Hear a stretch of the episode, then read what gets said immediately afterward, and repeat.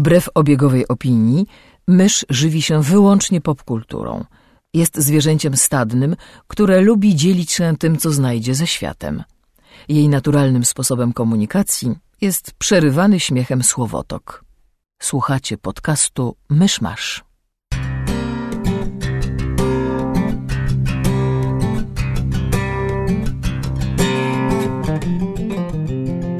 Drodzy słuchacze, jest 11 września, rocznica obsadzenia Aleksandra Hamiltona na stanowisku sekretarza skarbu Stanów Zjednoczonych. Zapraszamy do 197 odcinka podcastu Myszmasz. Cześć, tu Mysz, a przy mikrofonie ze mną jest... Kamil Worek. Cześć Kamil! Zazwyczaj, zazwyczaj Krzysiek nas przedstawia. Jak słychać, bez Krzyśka wszystko się sypie, nie wiemy co się dzieje, jakie mamy spełniać role i w ogóle kim jesteśmy. Tak, Krzysiek nas opuścił, e, nie udało się, znaczy zastępstwo nam się wysypało, e, więc zostaliśmy sami z myszą, a jak wiadomo my nie bardzo się lubimy, a jeszcze w dodatku na, końcu tego, na koniec tego tygodnia bierzemy ślub, więc w ogóle nie mamy na nic czasu. Głupia e, sytuacja. Tak, więc to będzie prawdopodobnie mini myszmasz, e, w którym no, przejdziemy parę newsów, zrobimy przegląd tygodnia e, i potem usłyszymy się za tydzień. Tak, już po, po ślubie. Będzie, już nie będzie panna mysz, będzie pani mysz. I nie będzie, e, nie pan... Będzie pan Naborek, tylko...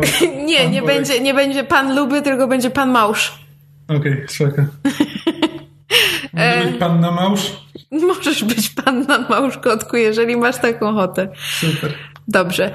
E, z newsów e, to możemy potwierdzić nasze spekulacje z jednego z poprzednich odcinków, kiedy rozmawialiśmy na temat planów Disneya, żeby założyć własną platformę streamingującą i spekulowaliśmy na temat tego, co się stanie z filmami, które do nich należą z na przykład uniwersum Marvela, czy właśnie e, disneyowskie animacje, które są obecnie na Netflixie. I Gwiezdnych Wojen. I Gwiezdnych Wojen, tak. Tak, więc okazuje się, że Disney rzeczywiście idzie na wojnę z Netflixem i jakby zabierze wszystkie swoje zabawki do siebie. Do własnej piaskownicy, którą tak. sobie wybudują. Tak. E, z innych newsów również około Disneyowych to mamy informację, że Colin Trevorow nie będzie reżyserem tak. kolejnej części Gwiezdnych Jest to Wojen. bardzo dobra informacja, bo Park Jurajski co prawda zarobił wszystkie pieniądze na świecie, ale ale nikt nie do końca rozumie czemu. Znaczy, nie no, wszyscy rozumieją czemu, bo dinozaury, ale, y, ale tak, to był bardzo kiepski film, a z kolei potem wyreżyserował też Book of Henry, którego my chyba nie widzieliśmy. Nie, ale, ale miał fatalne zebrał, recenzje. Zebrał też beznadziejne recenzje, więc tak, nie do końca wiadomo w jakich okolicznościach odszedł Trevorow, ale wszyscy się cieszą. Tylko, że jeszcze nie wiadomo kto go zastąpi, więc e, to, to jeszcze kolejna informacja, na którą czekamy. Tak, ja tylko czasami e, widzę, jak mi się przewidują jakieś hasztagi na Twitterze, ruchy ruchy oddolne fanów pod tytułem e, ten e, zatrudnijcie kobiety jako reżysera Nowych Gwiezdnych Wojen albo zatrudnijcie kogoś tam konkretnego. Widzę, że fani no się e, aktywują bardzo w tej kwestii. No tak, o ile to nie będzie, nie wiem, Tim Burton albo Michael Bay, to to już będzie lepiej. E... Znaczy nadal jest wiele dziwnych kierunków, w których mogliby pójść, natomiast e, brak Trevorowa to jest e, raczej zaleta niż wada. Tak. I fajnie by było, gdyby to była kobieta, a byleby to nie była Sofia Coppola. A dlaczego to, to, to wam mysz opowie. Tak, za chwilę w odcinku wyjdzie na to, że jestem niekulturalnym filistynem, który się nie zna na dobrym kinie. Jak zwykle. E, z innych newsów wiemy również, kto zagra e, Dicka Graysona, czyli Robina w e, Teen Titans. I tutaj problem jest taki, że ja nie pamiętam, czy myśmy już o tym mówili, nie, czy nie. nie e, natomiast Tylko, będzie. Że nikogo to nie interesuje. Znaczy, mnie o tyle interesuje, że ja, że ja lubię tego aktora, ale bardzo wbrew sobie. To znaczy, ja nie uważam, żeby on dobrze grał. To jest aktor, którego imię i nazwisko się fantastycznie wymawia, bo to jest Brenton Thwaites. Australijski aktor o bardzo trudnym do wymówienia nazwisku. E, i on ma w, w, ciągu ostatnich paru lat grał, e, że tak powiem, sidekicków w, w kilku e, bardziej wysokobudżetowych i kasowych filmach. Znaczy mówię kasowych, w sensie takich z, z dużym budżetem, bo niekoniecznie na siebie zarobiły, czyli na przykład Bogowie Egiptu, czy Ostatni Piraci z Karaibów. I grał też w The Giver bodajże. E, natomiast, e, no mówię, nie jest najlepszym aktorem, natomiast ma... To jest po prostu aktor, którego widzisz na ekranie i zapominasz o jego istnieniu natychmiast po wyjściu z kina. E, tak, ale... Nie jest obdarzony jakąś wielką charyzmą. Ale ma przy tym sporo uroku i miło się na niego patrzy, ma bardzo urocze brwi, są takie jak gąsieniczki, takie dość puchate. Jak widać, to są moje kryteria, jeśli chodzi o mężczyzn. Colin Farrell też ma takie. Colina Farrella też lubię, wbrew sobie. No tak. E, tak. E, czy to wszystko z newsów? Tak mi się wydaje, a przynajmniej więcej grzechów nie pamiętam.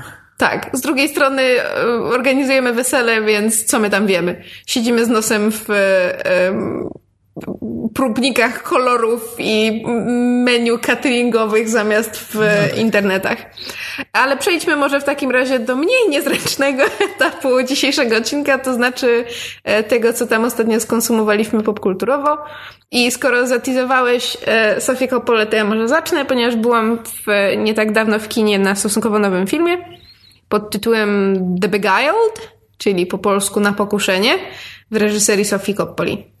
Film jest e, ekranizacją e, powieści Tomasa P. Kulinana pod e, teoretycznie tym samym tytułem, chociaż oryginalnie tytuł był A Painted Devil. I nie jest to pierwszy film oparty na tej książce, ponieważ w 71 była już ekranizacja tej powieści z Clintem Eastwoodem w roli głównej.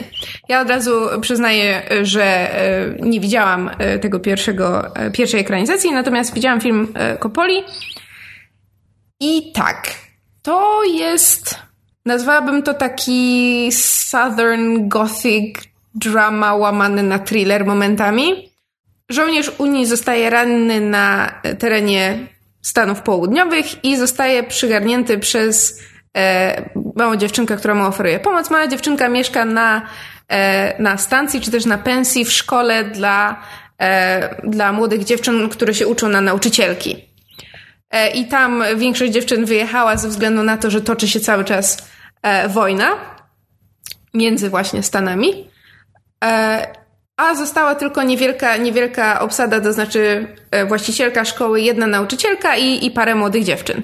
No i jakby cały film się rozgrywa w, pomiędzy właśnie tym żołnierzem, którego gra Colin Farrell, a całą zgrają kobiet, nauczyciel, znaczy nauczycielkę gra Kirsten Dunst, właścicielkę szkoły gra Nicole Kidman, w roli jednej z y, uczennic mamy Elle Fanning, więc jakby znane nazwiska. I ja miałam bardzo silne skojarzenia z trzecim sezonem American Horror Story i mam wrażenie, że to mnie od razu okay. nastroiło negatywnie. No bo w trzecim sezonie American Horror Story mamy szkołę dla młodych dziewcząt, Mhm. Na, na południu, no bo w Nowym Orleanie. Mhm. I po prostu widok tej, tej, tej, tego domu na plantacji, który wyglądał bardzo podobnie do tego w American Horror Story. I właśnie ta sytuacja pod tytułem... Znaczy to nie był ten jeden dom na plantacji, który gra wszystkie domy na plantacji w Hollywood? Nie, nie była to rezydencja e, Louisa de Pointe z e, wywiadu z wampirem, co jest moją ulubioną plantacją i wszędzie jak tylko ją widzę, to od razu jest u, wiem gdzie to jest. E, natomiast po prostu skojarzenia z, z, domem, z domem na plantacji mam po prostu dość jedno, jednoznaczne. E, natomiast mamy też elementy takie, że no właśnie mamy szkołę dla młodych dziewcząt, w związku z tym mamy dynamikę e, kobiecej grupy, w którą zostaje wepchnięty siłą mężczyzna i jak, jakby jak one się odnajdują e, w tej, w tej nowej, zaburzonej dynamice między sobą, z nim, jak to się wszystko ma do siebie. No a tutaj mamy oczywiście jeszcze cały czas e, kontekst e, i, i wojenny i klimat tego napięcia. Zresztą to, co na pewno powiem o The Beguiled, to jest to, że Sofia Coppola ma świetne oko i wizualnie ten film jest zachwycający. To znaczy bardzo dużo jest operowania nastrojem ujęć jakby przyrody tego domu na plantacji o zmierzchu, o, o, o zachodzie słońca, są pięknie, pięknie kolory pokazane, te mgły wstające nad mokradłami, to wszystko jest bardzo klimatyczne i bardzo, bardzo ładnie podkreśla jakby atmosferę tej takiej, takiej właśnie tej gęstości i, i tego takiego napięcia e, w, w tejże szkole. Natomiast być może właśnie z tego względu, że mi się kojarzyło z Coven, to to, jak się rozwija relacja e, bohaterek i bohatera, mi się nie podobało, bo to było bardzo stereotypowe na zasadzie wrzuć mężczyznę, e, w, że tak powiem, w, w, w, kurnik pełen kobiet i od razu się sobie rzucą do gardeł, będą sobie, e, będą wszystkie się do niego zalecać, podkładać sobie świnie i jakby film niby pokazuje, że, że sam ten, ten żołnierz również um, to nie jest tak, że one same na niego, e, że tak powiem, lecą, on też się nimi, nimi pośrednio bawi i i jakby próbuje jak najwięcej ugrać, no bo wie, że jest w niekorzystnej sytuacji, no bo jest jakby, prawda, e, sam na terenie wroga, zdany na łaskę kobiet, bo jest ranny, którego e, opatrzyły i uratowały. Właśnie ten tytuł to, to Big Isle to jest właśnie mowa o tych dziewczynach, to one są przez niego jakby o, nie wiem, no jak to nazwać, tam oczarowane, czy właśnie wodzone na pokuszenie, żeby zastosować polski tytuł. Taki nie, to znaczy film specjalnie się bawi tą dwuznacznością, to znaczy, że um, tak naprawdę nigdy do końca nie wiemy, kto w tej relacji trzyma władzę, czy mhm. jakby mężczyzna, czy kobiety, wśród których się znalazł. E, zwłaszcza, że finał filmu jest pod tym względem dość e, jednoznaczny i powiedziałabym nawet e, w pewnym sensie brutalny. Natomiast ja mam, jakby właśnie główny mój problem jest taki, że nie podoba mi się, co ten film mówi, no ale jakby to też jest specyfika e, być może tamtego okres, okresu, nawet jeżeli e, robimy tego mhm. współczesną ekranizację, znaczy w sensie współcześnie e, adaptujemy ten film, to pewne, pewne wątki zostają. Wiem natomiast z um, artykułów, które czytałam na ten temat w internecie, że Sofia Coppola zmieniła optykę. To znaczy w filmie z Clintem Eastwoodem bohaterem jest mężczyzna i on jest jakby naszym głównym bohaterem, poznajemy wszystko z jego punktu widzenia. U Sofii Coppoli jednak bohaterkami są, są kobiety e, znajdujące się w, w tym domu i jakby to one są bohaterkami. E, Colin Farrell jest tam e, rzeczywiście, rzeczywiście zdany na ich łaskę. To znaczy, on może sobie z nimi pogrywać i próbować jakby wyjść na swoje i coś tam, coś tam ugrać i, i z którą się e, przespać albo osiągnąć coś więcej. Natomiast ostatecznie to, to kobiety dzierżą władzę, czasami walcząc o nią siłą i to w bardzo drastyczny sposób. Natomiast ja mam ogólnie problem z filmami Sophie Coppoli, to znaczy, ja wiem, że wszyscy się zachwycają Lost in Translation, w sensie polski tytuł między słowami, ten z Billem Murrayem mm. i Scarlett Johansson, natomiast ja ten film widziałam raz w kinie i był okej. Okay. Natomiast... E, znaczy, ja go bardzo lubię. Ale mówię, jakby mm, ja widziałam raz i był okej. Okay. Nie pamiętam jakichś wielkich zachwytów, a od lat mi ludzie powtarzają, że to jest fenomenalny film. Więc ja stwierdziłam, że po pierwsze muszę do niego wrócić, jakby co nie zmienia faktu, że są filmy Sofii Coppoli, które bardzo lubię, na przykład Ubóstwiam Przekleństwa Niewinności, czyli Virgin Suicides, które zresztą oglądałeś ze mną i jest to bardzo właśnie taki e, jakbym to powiedziała, senny film, taki pełen niedopowiedzeń właśnie operujący klimatem i, i głównie skupiający się na relacjach pomiędzy bohaterami. Natomiast mój główny problem z filmami Sofii Coppoli jest taki, że ja nie wiem, po co ona je kręci. To znaczy, one są to jest drugi raz, jak się z tego śmiejesz. Nie, bo to jest po prostu tak, tak ogromna, nie wiem, e, krytyka jakby autora, no bo jakby głównym powodem jakby tego, że jakiś reżyser na przykład chce nakręcić film, to jest właśnie to, że chce coś powiedzieć, chce coś przekazać światu, chce jakby dać światu cząstkę siebie, a kiedy ktoś mu mówi, że Właściwie nie wiem, czemu ty te filmy w ogóle kręcisz. To, tak, to tak i, i dokładnie to się, do tego, to się dokładnie do tego sprowadza. To znaczy, e, ja, ja nie wiem, co ona próbuje mi powiedzieć. To, co mi mówi, jest moim zdaniem albo niekoniecznie na tyle ciekawe, żeby kręcić o ten film, albo na tyle nieumiejętnie pokazane, że że nie udało jej się przekazać tego, co, co chciała albo co tam miało być. Jakby nie. Nie widzę, czemu ten film powstał. E, I, I jakby bardzo mi z tego powodu przykro, bo mimo wszystko y, oglądam kolejne jej filmy i staram się, jakby właśnie to nie jest tak, że ją kompletnie przekreśliłam i wszystkie filmy y, od razu y, też skreślam, bo, bo, bo staram się je oglądać i, i, i coś w nich znaleźć. Natomiast poza, poza Virgin Suicides, czyli jej pierwszym filmem tak naprawdę, to może też na to rzutuje fakt, że nie tak dawno słuchałam z nią podcastu. The Nerdist Podcast był właśnie e, Chris Hardwick przeprowadzał wywiad z Sofią Coppolą właśnie a propos The Beguiled. I Jezus Maria, jak ona nudno mówi. Mm. Ale o Chryste!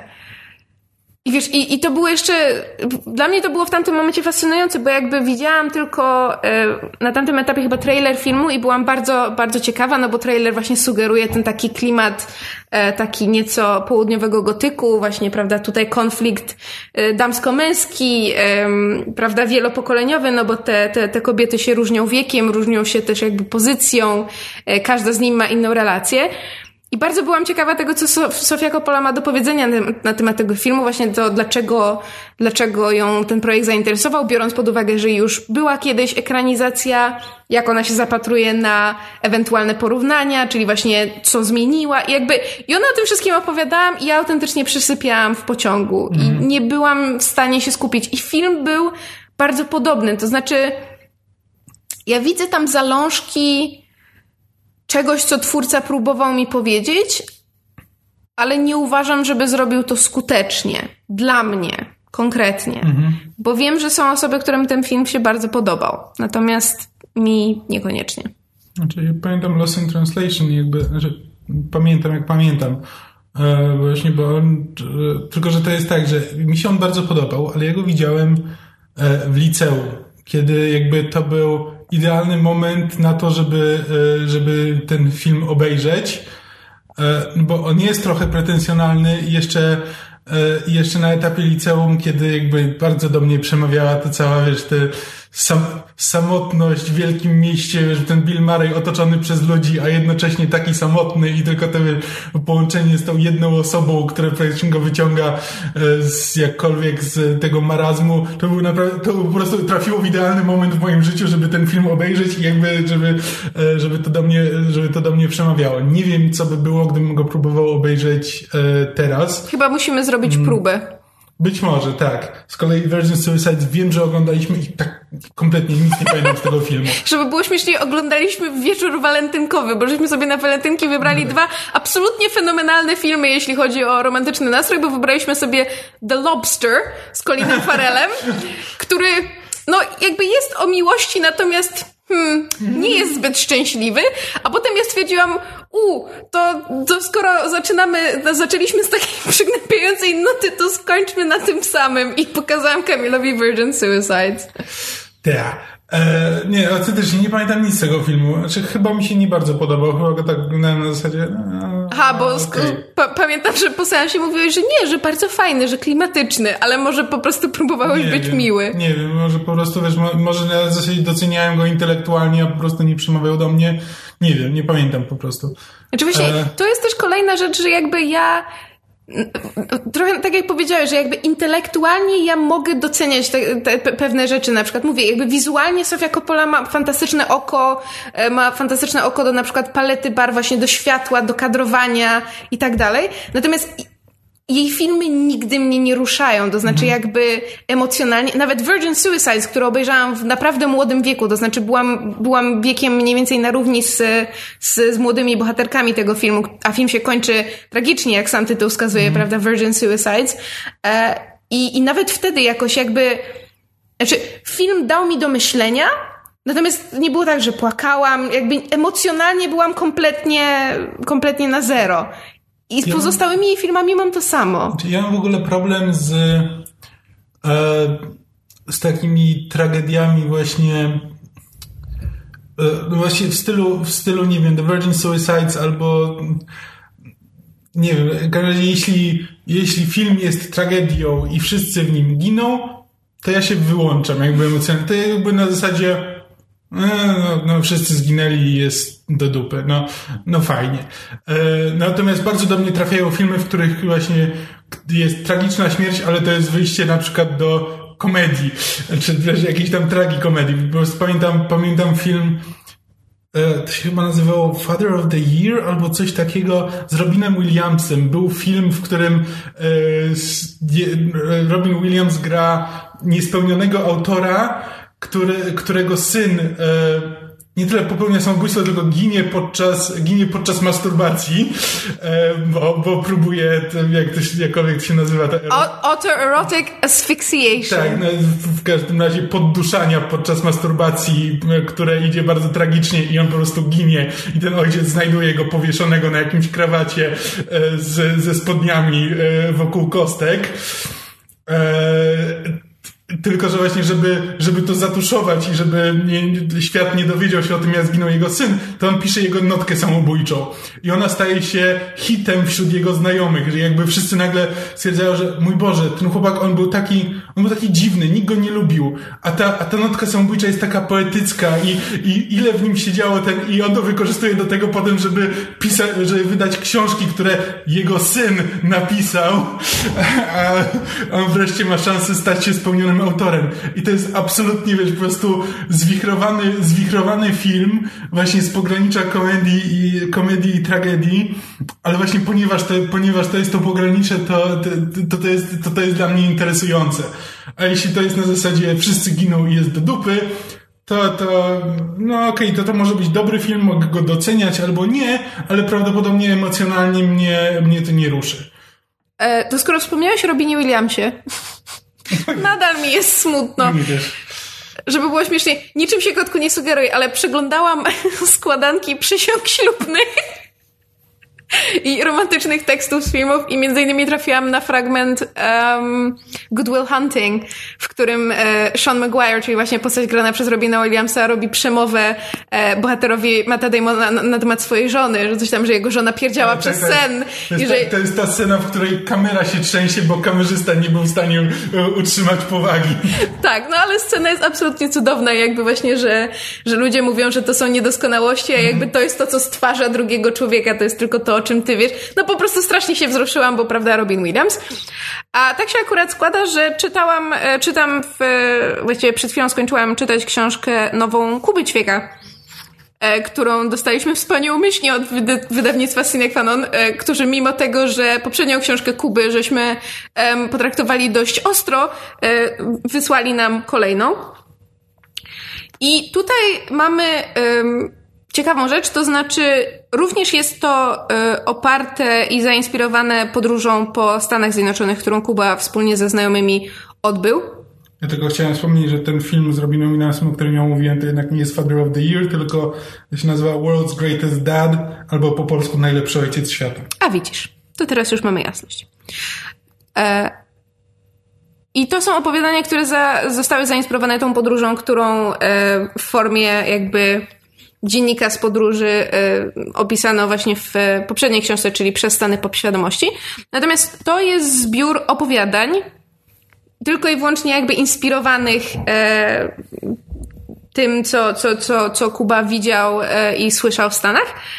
E, natomiast jest to rzecz ciekawa, to znaczy opowiadania realistyczne. Nie ma w nich elementów fantastyki, nie ma w nich elementów science fiction jest może szczypta w pewnym miejscu, a w innych są z kolei jest taka jakby sugestia, to znaczy, że, yy, że ja odnosiłam takie wrażenie, czytając każde kolejne opowiadanie, że bardzo łatwo byłoby zrobić z niego, dodać tylko jeden element, żeby było opowiadaniem fantasy. Natomiast wszystkie są e, w naszym, w naszym rzeczywistym świecie. I jest to jakby spojrzenie, yy, spojrzenie Kuby na, na Stany Zjednoczone, na ich kulturę, na ich, yy, jakby to powiedzieć, nie wiem, w pewnym sensie legendy czy, czy podania, ale interpretowane właśnie przez, przez codzienność.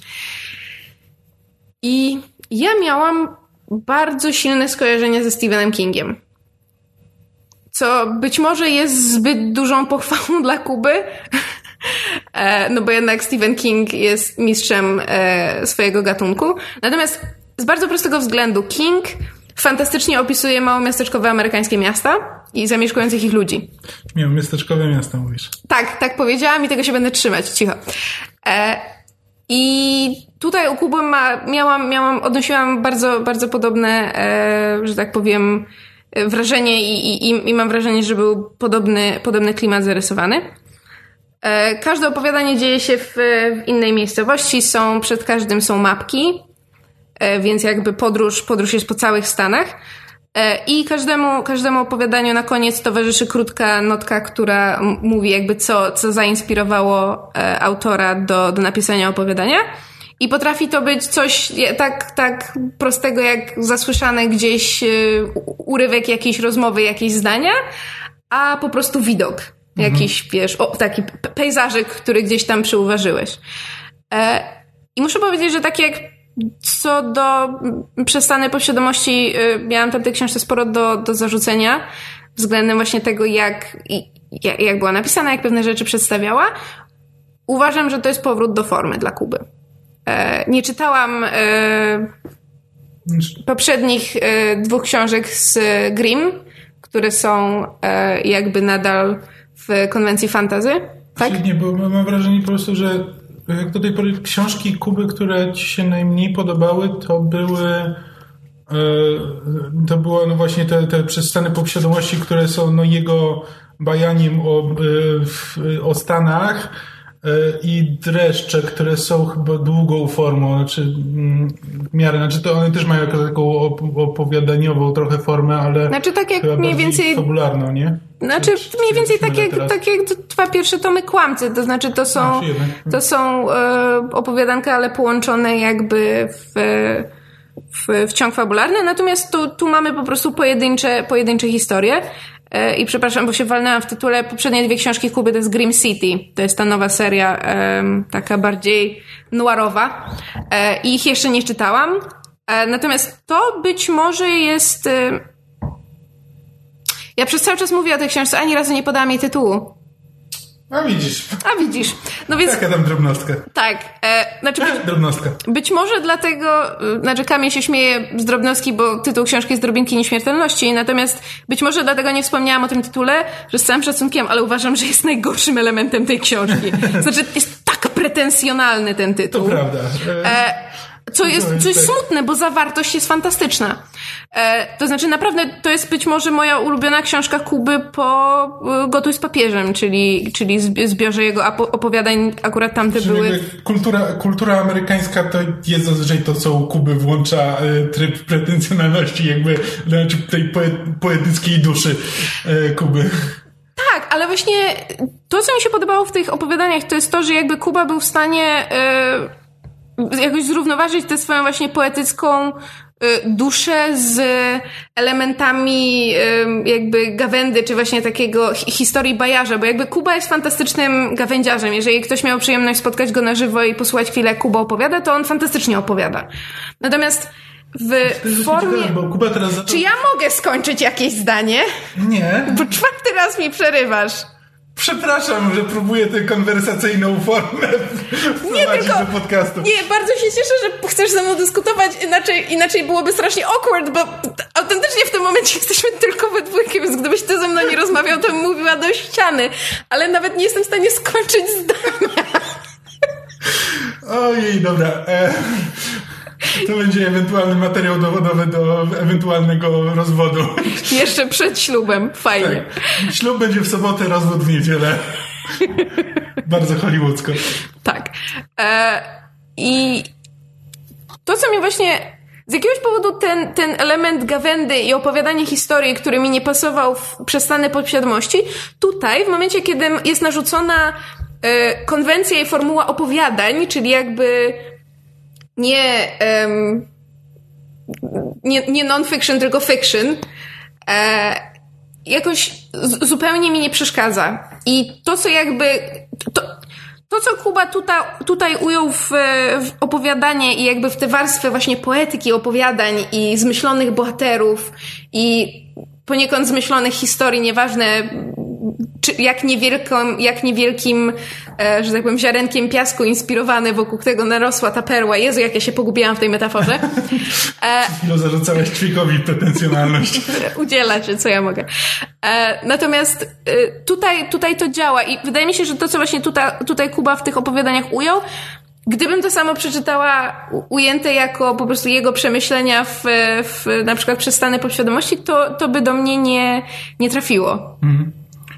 Znaczy, nie, ja tylko chciałem powiedzieć, że to jest, po pierwsze, no jakby to, co mówisz, no, Kuba fajnie opowiada, no to y, bardzo byłbym ciekaw pójść na ten jego stand-up, bo Kuba się teraz próbuje ćwiczyć na stand-upera. Jestem ciekaw, jak mu to wychodzi. Szczególnie, że jakby y, jak byliśmy parę razy na jego prelekcjach, czy tam spotkaniach autorskich, na przykład na jakimś konwencie, to rzeczywiście jakby nawet jego opowiadanie, jakby po prostu takie opowiadanie o swoim życiu przyjmuje formę stand-upu, e, więc tak jestem ciekaw, czy kiedy zamierza przyjąć formę stand-upu, to czy, to czy się nie potyka.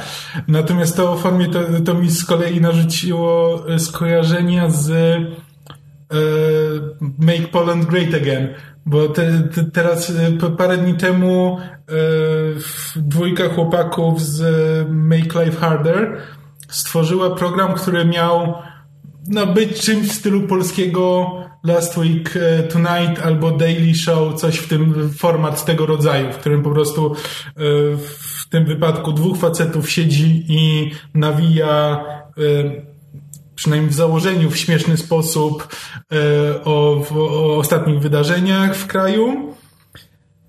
I o ile właśnie Make Life Harder ma bardzo fajne teksty na, na Facebooku, to widać w tym programie, że ten program jest zasadniczo przełożeniem tych tekstów na formę wideo, jakby opowiadaną przez nich, e, jakby z, z ich ust, a nie tylko jakby czytaną, e, czytaną na Facebooku. I to bardzo, bardzo, bardzo nie wyszło. Jakby wszyscy mówią, że to jest no, ten, takie lewicowe studio jajo, e, że, że suchary latają. Jeszcze w dodatku jest e, śmiech w tle. Znaczy ludzie mówią, że z puszki, ale moim zdaniem no, nie jest z puszki, tylko po prostu tam siedzi 10 osób z ekipy produkcyjnej i się śmieje. E, I to tak naprawdę wychodzi gorzej niż śmiech z puszki. Um, tylko i właśnie i, i to, jest, to, to, jest tylko, tak chciałem wspomnieć o tym, no bo to jest też element popkultury i o nim było głośno, więc to jest taka, no, taka moja recenzja, że to jest bardzo słabe, mimo że to są dokładnie te same teksty, które oni, mm, y, które, na których oni zbudowali y, jakby swoją markę na Facebooku wcześniej. Mhm. I po prostu samo to przeniesienie tego z formy tej pisemnej na formę ustną kompletnie zrujnowało sprawę. E, no to mam wrażenie, że u Kuby jest, e, było trochę podobnie, gdzie on jakby potrafi opowiadać, potrafi pisać krótkie formy, ale kiedy na przykład swoje opowiadania próbuje przełożyć na papier, to jakby bez jego głosu, bez jego charyzmy to już nie działa. ale to, to tak tylko. Czy być może, e, natomiast po prostu ja uważam, że, że Kuba ma, ma talent do, do krótkiej formy. I tak jak na przykład uważam, że King go nie ma, to znaczy ja bardzo lubię y, te małomiasteczkowe y, historie i bohaterów Kinga w długiej formie. I chyba to już wielokrotnie w podcaście mówiłam, że moim zdaniem King się w opowiadaniach nie sprawdza. On ma bardzo dobre pomysły, których nie potrafi treściwie y, jakby napisać. W sensie nie jest w stanie tak szybko zbudować klimatu paroma zdaniami, żeby, żeby to opowiadanie na ciebie działało. Kuba moim zdaniem to potrafi i to właśnie na tyle skutecznie, że ja mimo, że wiedziałam, że książka nie zawiera elementów e, tam fantazy czy horroru, pewne teksty czytałam właśnie na zasadzie, kurczę, zaraz wyskoczy jakiś, nie wiem, potwór, wampir, czyta się jak horror i naprawdę robi to, to, to robi to, jest, to fajne jest, wrażenie. To jest dla mnie dobra rekomendacja, bo to, są, to jest e, jedne z najlepszych horrorów to są te, w których których później nie ma horroru. tak, to znaczy, z jednej strony jest kilka takich opowiadań, w których jakby puenta nie dorasta do tego właśnie poczucia niepokoju, które w tobie mhm. wzbudziły, natomiast to nie jest wada, jakby w sensie no żeby, żeby dorównać temu poczuciu niepokoju, to ten potwór musiałby wyskoczyć, a nie ma żadnego potwora. To jest jakby, that's the point. I to, co mi się też bardzo podoba, to jest w książce, która jakby opowiada o, o, o bohaterach, e, prawda, o, o Amerykanach. Przewija się też sporo Polaków czy ludzi o polskim pochodzeniu, co mi się bardzo podoba, że Kuba jakby e, z jednej strony dał taki, prawda, e, nasz patriotyczny akcent i jakieś te elementy polskości od siebie tam wrzucał, a z drugiej strony to jest wciąż element kultury Stanów Zjednoczonych, bo jakby Pola polskich emigrantów w Stanach jest bardzo wiele, bardzo wiele osób ma polskie korzenie, z których potrafi być nie niezasadnie dumnych. E, Kamil nie wyłączył powiadomień w telefonie, bardzo przepraszamy. E, a kolejna rzecz, która mi się podoba, to są e, kilka opowiadań, mam wrażenie, jest zainspirowanych jakby Kuby Kuby, nie wiem, życiem, czy emocjami, czy przemyśleniami, bo jest na przykład opowiadanie, które jest pisane z perspektywy fana, który był żołnierzem, do Bruce'a Willisa, kiedy Bruce Willis występował w Misery Stephena Kinga na Broadwayu. Hmm. A jeżeli ktoś śledzi Kubę, to może wiedzieć, że, że Kuba jest od wielu lat wielkim fanem Bruce'a Willisa, miał okazję go poznać i, i hmm. jakby, znaczy ja to interpretuję jako takie, e, że tak powiem, cząstkę, cząstkę, którą autor dał od siebie, troszkę większą niż zwykle.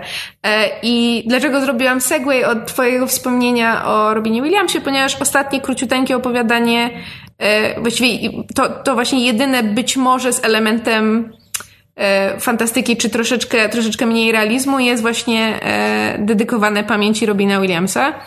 I jest... Nie jestem fanką formy, natomiast puenta jest fantastyczna i bardzo smutna. E, I w ogóle, szczerze mówiąc, bardzo tę, tę książkę polecam mimo pretensjonalnego tytułu. Zresztą jest bardzo ładnie wydana, okładka jest śliczna, zdjęcia na niej są nie, bardzo ładne, tylko ten pretensjonalny tytuł. A drugi zarzut, czy ewentualnie jedyną krytykę, jaką bym miała, to jest kwestia, kwestia korekty. To znaczy, zdarzają się literówki, które powinien wyłapać Word, zdarzają się literówki, które wystarczyłoby raz uważnie przeczytać całą książkę, żeby wyłapać typu e, powtórzone to samo słowo dwa razy w, w jednym mhm. zdaniu i nie na zasadzie, że na początku i na końcu. Nie jest na przykład kim kim jesteś, no tak, takie, tak. takie głupotki. No, e, jest, jest parę, parę razy, w, w jednym opowiadaniu jest, jedna postać ma na imię Ben, a druga Brian i czasami są naprzemiennie, w sensie ktoś nie upilnował. E, w pierwszym opowiadaniu jest rzecz najbardziej rażąca.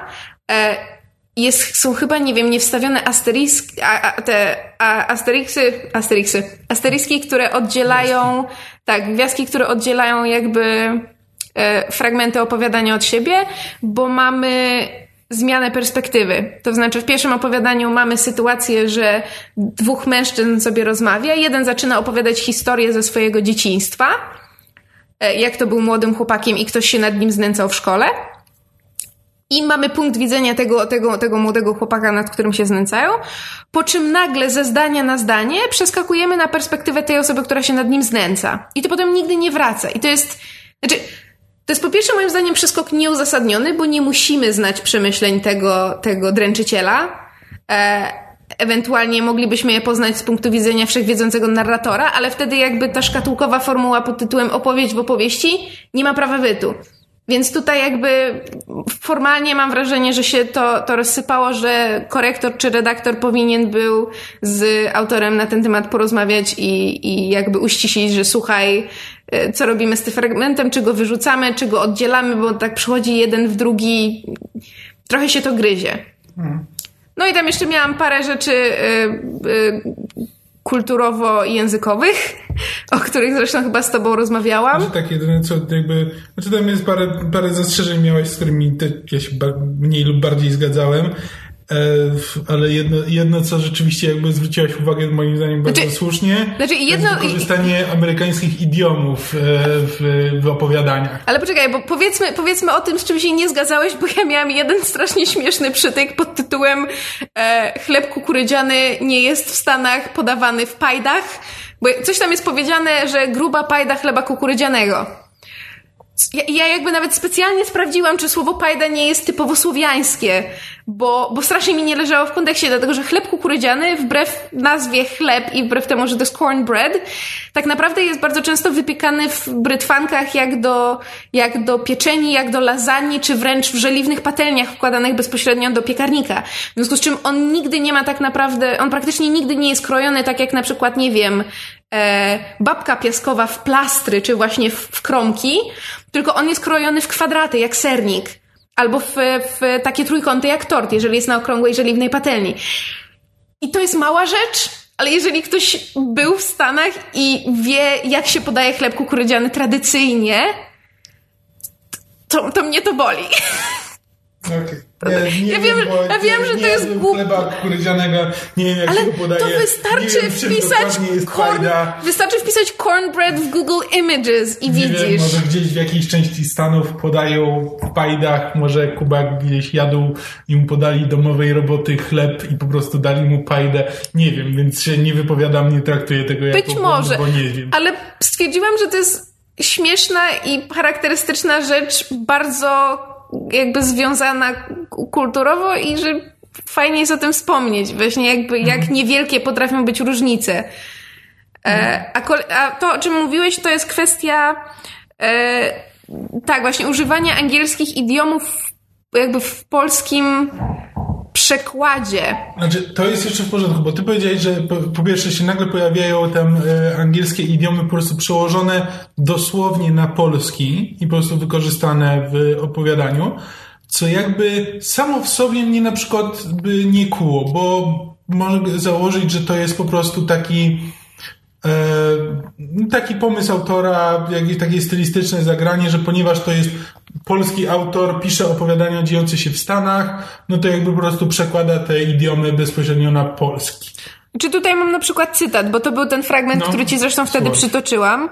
Um, Normalnie uciekający z lekcji dzieciak zostałby pewnie w domu, czy to po prostu chowając się przed rodzicem, czy, jak sugerowała Rosie, symulując chorobę, ale u mnie to pierwsze nie wchodziło w grę, bo tata często wpadał, gdy akurat był w okolicy, zrobić sobie kanapkę, czy nadać faks do Cleveland. Swoją drogą u was też się tak mówi na pospolitą dwójeczkę?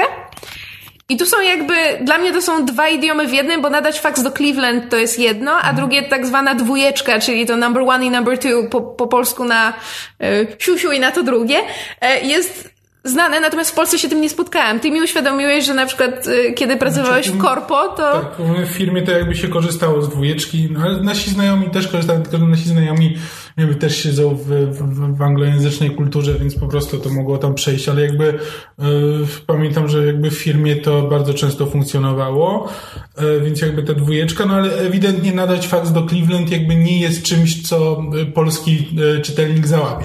Ale I jest, spoko. Tak, i jest w książce było... jeszcze kilka tak, takich przykładów. To jest takie, no to jakby to, to jest coś, co załapiesz, na przykład wy, po prostu nagle się zorientujesz, przeczytasz coś, co cię y, zdezorientuje na chwilę, a potem się zorientujesz, że no, w którymś momencie się zorientujesz, że aha, to są amerykańskie idiomy, które po prostu są przełożone bezpośrednio na polski. Spoko, to jest, to jest interesujące zagranie, to, że to się komuś podoba, czy nie, to jest jakby inna sprawa, ale jest to jakby ewidentnie przemyślane zagranie. Problem, problem polega na tym, że jest stosowany niekonsekwentnie, dlatego że również są wprowadzane polskie idiomy. I na przykład w pewnym momencie się pojawia y, dosłownie dwie strony dalej w tym samym opowiadaniu fragment. Um, tak, y, to jest fragment dialogu. Tak, jak mówiłem, wszystko to fajne i ciekawe, ale schody zawsze się w końcu pojawiają. W każdej dobrej historii przychodzi czas na schody. Po angielsku nie istnieje idiom pod tytułem, że i wtedy, prawda, pojawiły się schody. Jakby są inne na przykład, że and then the trouble started, tak, czy coś takiego. Uphill battle na przykład mogłoby być. Tak, ale właśnie takie e. nieko, nie, niespójne czy niekonsekwentne łączenie angielskich, znaczy spalszanie angielskich idiomów i łączenie ich z polskimi stwarza mylne wrażenie, że pewne frazy, pewne zwroty, pewne idiomy są uniwersalne a nie są. I w mhm. opowiadaniach, które dotyczą konkretnej kultury jakiegoś kraju, wolałabym, żeby zachować, zachować jednolitość. To znaczy, z tego bardzo podobnego powodu ta, ta pajda mnie, mm, mnie no tak, za tak, przeproszeniem tak, striggerowała, bo pajda dla mnie jest słowem typowo jakby z polskimi konotacjami. Gdyby była kromka, to być może bym nawet nie zwróciła uwagi, ale było gruba pajda. I dla mnie to jest tak typowo polskie skojarzenie pod tytułem, nie wiem, gruba pajda, chałki z masłem, z szynką, wracasz z przedszkola, babcia czy mama ci daje do, do, do, do zjedzenia na podwieczorek, że, że mnie to bardzo ugryzło. I właśnie te, te polskie i angielskie idiomy traktowane na równi też były tego elementem. I żeby było śmieszniej, to był jedyny tak rażący tego przykład, który znalazłam w tym pierwszym opowiadaniu. Zresztą w nim było chyba też najwięcej błędów, w nim był ten błęd, e, błęd? Brawo myszu. Błęd? Błęd. E, ten związany z, z brakiem gwiazdek w odpowiednim momencie, czy właśnie stosunkowo dużo literówek, nie wiem, jakoś to pierwsze opowiadanie może było na ostatnią chwilę, nie wiem, już teraz spekuluję, nie, nie spekulujmy. Natomiast pomijając te drobne, naprawdę drobne uwagi, e, biorąc pod uwagę, e, ile krytyki mieliśmy pod adresem e, przez stany podświadomości, naprawdę tę książkę polecam. Moim zdaniem to jest jedna z lepszych rzeczy, które Kuba napisał. Bardzo mi się podoba taki kierunek. Z przyjemnością bym przeczytała więcej tego typu historii opartych na, na jakichś jego czy podróży po Stanach, czy właśnie jakieś inspiracje, które stamtąd czerpał, bo bardzo mi się taka, taka forma podoba. Hmm. Więc zachęcam. Jakub Ćwiek, Drobinki Nieśmiertelności, wydawnictwo Sine Qua Non. SQN. SQN, tak. Mysz masz stamp Seal of Approval. Ar, ar, ar, ar, ar. Może nawet spróbuję, nie wiem, przeczytać to ostatnie. To, tak, bo jak, jak dostaliśmy książkę, to kategorycznie stwierdziłeś, że nie. Ja ją... Znaczy, to nie to, że ja kategorycznie stwierdziłem, że to, nie wiem, książka ćwieka, więc, e, więc jej nie przeczytam, tylko po prostu fizycznie nie mam na to czasu. E, więc e, tak, ale no może jakieś jedno opowiadanie, tak tylko, żeby zobaczyć, z czym mamy do czynienia, to sobie przeczytam. Nie, bo autentycznie mnie zachęciłaś. Aha! Score! Dobrze, to skoro jesteśmy na pograniczu kultur amerykańskich i innych, to ja może opowiem o filmie Message from the King, e, który się ostatnio pojawił na Netflixie. Ja go oglądałem już parę tygodni temu, ale zapomniałem o nim wspomnieć w podcaście z jakiegoś powodu. E, nie dlatego, że film jest jakoś, nie wiem, że nie zapada w pamięć, bo film jest zaskakująco dobry, e, ale jakoś nie było okazji. Message from the King to jest film Fabrice w reżyserii Fabrice Duvelc. Przepraszam bardzo, Duvelca. Przepraszam bardzo, ale Fabrice to jest taka amerykańska marka odświeżaczy zapachowych do powietrza. E, nie znam, prawdę mówiąc, tego reżysera, nie widziałem żadnego jego filmu wcześniej. E, ale, ale ma interesującą obsadę. Przede wszystkim główną rolę, wręcz tytułową rolę, się nazywa bodajże, znaczy postać nazywa się bodajże Michael King E, gra Chadwick Boseman, e, czyli Black Panther. E, I on gra chłopaka, tajemniczego chłopaka, jakby, który przyjeżdża do Stanów. Znaczy na początku dowiadujemy się, że no, przyjechał do Stanów z, z południowej Afryki, z RPA, żeby odwiedzić swoją, swoją siostrę, o którą się martwi, bo się do niego nie odzywa od jakiegoś czasu.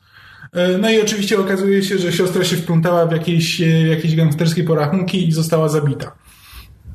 E, więc on zaczyna szukać, szukać jej morderców na własną rękę. Jakby nie wiemy skąd on się wziął. Są sugestie, że, że ma jakiś związek z właśnie z, z gangami z południowej Afryki. E, w każdym razie no, jego siostra, jego siostra w którymś momencie wyjechała do Stanów, stwierdziła, że ma dosyć właśnie życia, życia w RPA i wyjeżdża do Stanów, żeby się stamtąd wyrwać. No i oczywiście jak na ironię, no to trafia w kompletnie w jeszcze gorsze, e, w jeszcze gorsze miejsce. E, I, I to jest taki typowy film klasy B. Bo tam nie ma jakiegoś wielkiego przesłania. Tam jest tylko jakby. Znaczy, szczerze mówiąc, mam wrażenie, że brzmi jak coś, co mógłby nakręcić ten Fukua. Właśnie dokładnie to jest to, co chciałem powiedzieć, bo to jest dokładnie mi się kojarzy właśnie z filmami, y, z filmami Fukua, czy tam nie wiem, y, co to tam było, Training Day, tak, czy dzień, dzień próby. Y, jak to się nazywało? Equalizer? Właśnie Equalizer, tego, tego, tego szukałem. Takie właśnie filmy, filmy akcji bardzo brutalne, bardzo takie mroczne, brudne e, i właśnie pokazujące, pokazujące tą obskurną stronę, e, stronę Ameryki. E, a przy tym bardzo, bardzo, bardzo dobrze zagrane i całkiem fajnie wyreżyserowane. Tam w ogóle jest bardzo fajna obsada, bo tam ten King poznaje po drodze oczywiście prostytutkę o złotym sercu, którą gra Teresa Palmer. E, ale też jednym z jego, jednym z jego przeciwników jest Luke Evans. E, pojawia się też Alfred Molina w roli oślizgłego producenta filmowego. Hmm. E, tam jeszcze paru, paru różnych aktorów drugoplanowych, których można poznać. Tom Felton, o. czyli Malfoy. Tak, dla samej obsady to się przyjemnie ogląda, a przy tym są naprawdę dobrze i dobrze wyreżyserowani. Znaczy widać, te postaci czasami są dosyć szczątkowe, ale zazwyczaj wiadomo po co są w tej fabule. E, są bardzo wyraziste i jakby widać, że ak i aktorzy są dobrze wykorzystani. Znaczy nie miałem wrażenia po skończeniu tego filmu, że no, no wzięli aktora, bo ma znane nazwisko, ale kompletnie go nie wykorzystali. Mam wrażenie, że każdy jest wykorzystany e, w dosyć efektywny sposób, e, a może nawet efektowny. E, a może nawet. A może nawet. E, te, te, I tam jest, znaczy to, to nie jest przyjemny film. Tam jest, tam jest sporo przemocy, no ale to jakby to jest normalne, nawet właśnie też dla filmów Fuqua to jest też standard. Um, jest, ale jest też właśnie sporo, sporo takiej zwykłej oślizgłości, znaczy po prostu ludzi, którzy są trochę z jednej strony źli, żeby być źli, tam jest bardzo mało, bardzo mało, nie wiem, takich e, zahaczek, żeby pokazać, że, nie wiem, że ci źli mają coś, co, jakąś cechę, która by ich, e, no. Stanowiła odkupienie. Tak, coś takiego, że w, jakieś pozytywne cechy w tym całym, w, w tym całym morzu oślizgłości. E, I jest właśnie jest dużo kwestii wykorzystania, wykorzystania seksualnego, więc to potrafi być, potrafi być nieprzyjemne i jakby wspominam o tym, bo jakby wiem, że niektórzy, niektórzy dosyć, e, dosyć ciężko reagują na tego typu kwestie, więc to może, może niekoniecznie być film dla nich. E, ale właśnie, ale, ale też to, tą oślizgłość pokazuje, pokazuje naprawdę dobrze. Znaczy w, i jakby ten film wie, czym jest, i to jest, to jest dla mnie zawsze jeden z głównych, jedno z głównych kryteriów tego, czy film jest dobry, czy nie, znaczy, czy, przynajmniej czegoś się go fajnie ogląda, to jest to, czy, czy wie, czym jest. Czy, czy, że jeśli no, jeśli film nie ma tam większych ambicji, to spoko. Pod warunkiem, że no tak jest, tak jest kręcony, ale jeśli no film ma ambicje, ale kompletnie nie umie ich pokazać, no to wtedy się, e, wtedy się wysypuje. E, znaczy, mam Albo nie ma ambicji, a, e, a stosuje zabiegi w, z filmów, z filmów, które gdzieś tam podpatrzył, które bardzo ładnie wyglądają, ale kompletnie nie wie, jak ich wykorzystać, czy tego typu rzeczy. Ten film jakby właśnie dokładnie jest tym filmem klasy B, trochę podróbką filmów Fuqua, ale bardzo dobrze o tym wie, robi to na swój sposób i robi to bardzo, i robi to bardzo dobrze. Po prostu ogląda się, ogląda się to bardzo, bardzo dobrze. Znaczy, mam wrażenie, że to właśnie te, te, te tak zwane filmy, które wiedzą czym są, to jest bardzo istotne, zwłaszcza w przypadku produkcji niszowych, mhm. czyli właśnie na przykład, nie wiem, filmów indie czy kina klasy B, a druga to jest w przypadku nawet wysokobudżetowego kina, ale filmów, które jakby nie są typowe. Tu mi na przykład dochodzi, do, do głowy przychodzi e, Legenda Króla Artura. To znaczy ten ostatni film o Królu Arturze z mm. Charlie Hunnamem. To znaczy to jest film, który niby był wysokobudżetowy, prawda, sławny reżyser, e, całkiem, całkiem kasowa obsada i był nakręcony jako ten, prawda, wysokobudżetowy film fantasy, ale z drugiej strony wiedział, co chce zrobić i się jakby tego, tego trzymał. To znaczy ja nigdy nie miałam wrażenia, że ten film e, właśnie przestrzelił pod, pod, pod kątem, nie wiem, ambicji, czy tego, co chciał mm -hmm. pokazać, czy jakby to, jak, jak um, jak, jak, jak się malował. To raczej miałam właśnie, i chyba zresztą o tym rozmawialiśmy, że miałam wrażenie, że bardzo wiele recenzji negatywnych tego filmu brało się stąd, że ludzie sobie wyobrazili, że to będzie taki właśnie, wiesz, podniosły film, ujęcie, prawda, e, legendy o królu Arturze, a to był po prostu gangsterskie porachunki Gajerciego, tylko że w tam, e, prawda, pseudo-średniowiecznym Londynie. Londinium, przepraszam. Mhm. E, więc ja się zgadzam, że jakby dobry film, który wie czym jest i robi to dobrze, to jest naprawdę naprawdę jakby fajnie, fajnie jest takie, takie, takie filmy znajdować. Znaczy, Król Artur jakby mógł mieć też ten problem, jakby są, właśnie to, co mówiłeś jakby o filmach indie, bo są jakby filmy indie, które próbują jakby widać, że e, twórca chciał, chciałby tworzyć wysokobudżetowe filmy, mhm. ale nie ma tych pieniędzy, ale nadal próbuje robić to, to samo, co gdyby miał te pieniądze, tylko z mniejszym budżetem. Po prostu tnąc po kosztach i tak dalej i jakby widać, że po prostu ma, ma ambicje, żeby kręcić z dużym budżetem i próbuje to wykonać na małym budżecie. I to często widać, to się czasami źle kończy. Natomiast Król Artur ma trochę inny problem, gdzie jakby Guy Ritchie chce robić ten sam film, który robił jako właśnie niezależny twórca, właśnie kiedy kręcił porachunki, ale tym razem ma bardzo duży budżet.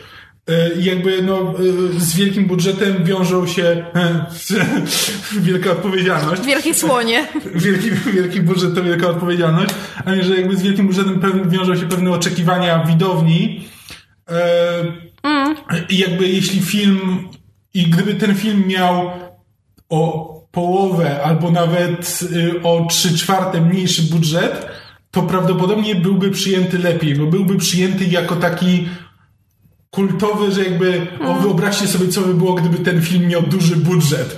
E, I to jest ten taki, to jest ten taki paradoks, że czasami właśnie widzisz taki film indie i sobie wyobrażasz, że Jezu, gdyby ten film miał tylko większy budżet, to wyobraź sobie tę historię opowiedzianą ze wszystkimi możliwościami ambi nieambitnego, jakby wysokobudżetowego kina.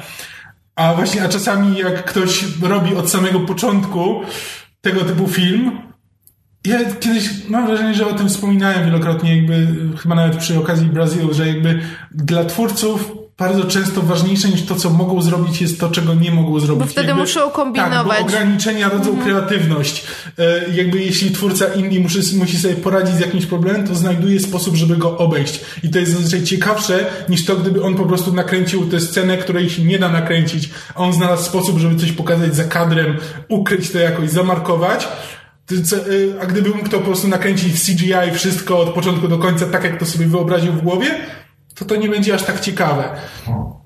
E, to znaczy, biorąc pod uwagę, że część naszych zarzutów do Króla Artura skupiała się na finale, który już był całości w komputerze, to być może, że gdyby obcięli budżet temu filmowi o połowę, to z filmu by wypadły wszystkie te elementy, z którymi ludzie, ludzie mieli problemy, czyli na przykład właśnie finał, czy te słynne słonie, które tam się pojawiły bez powodu.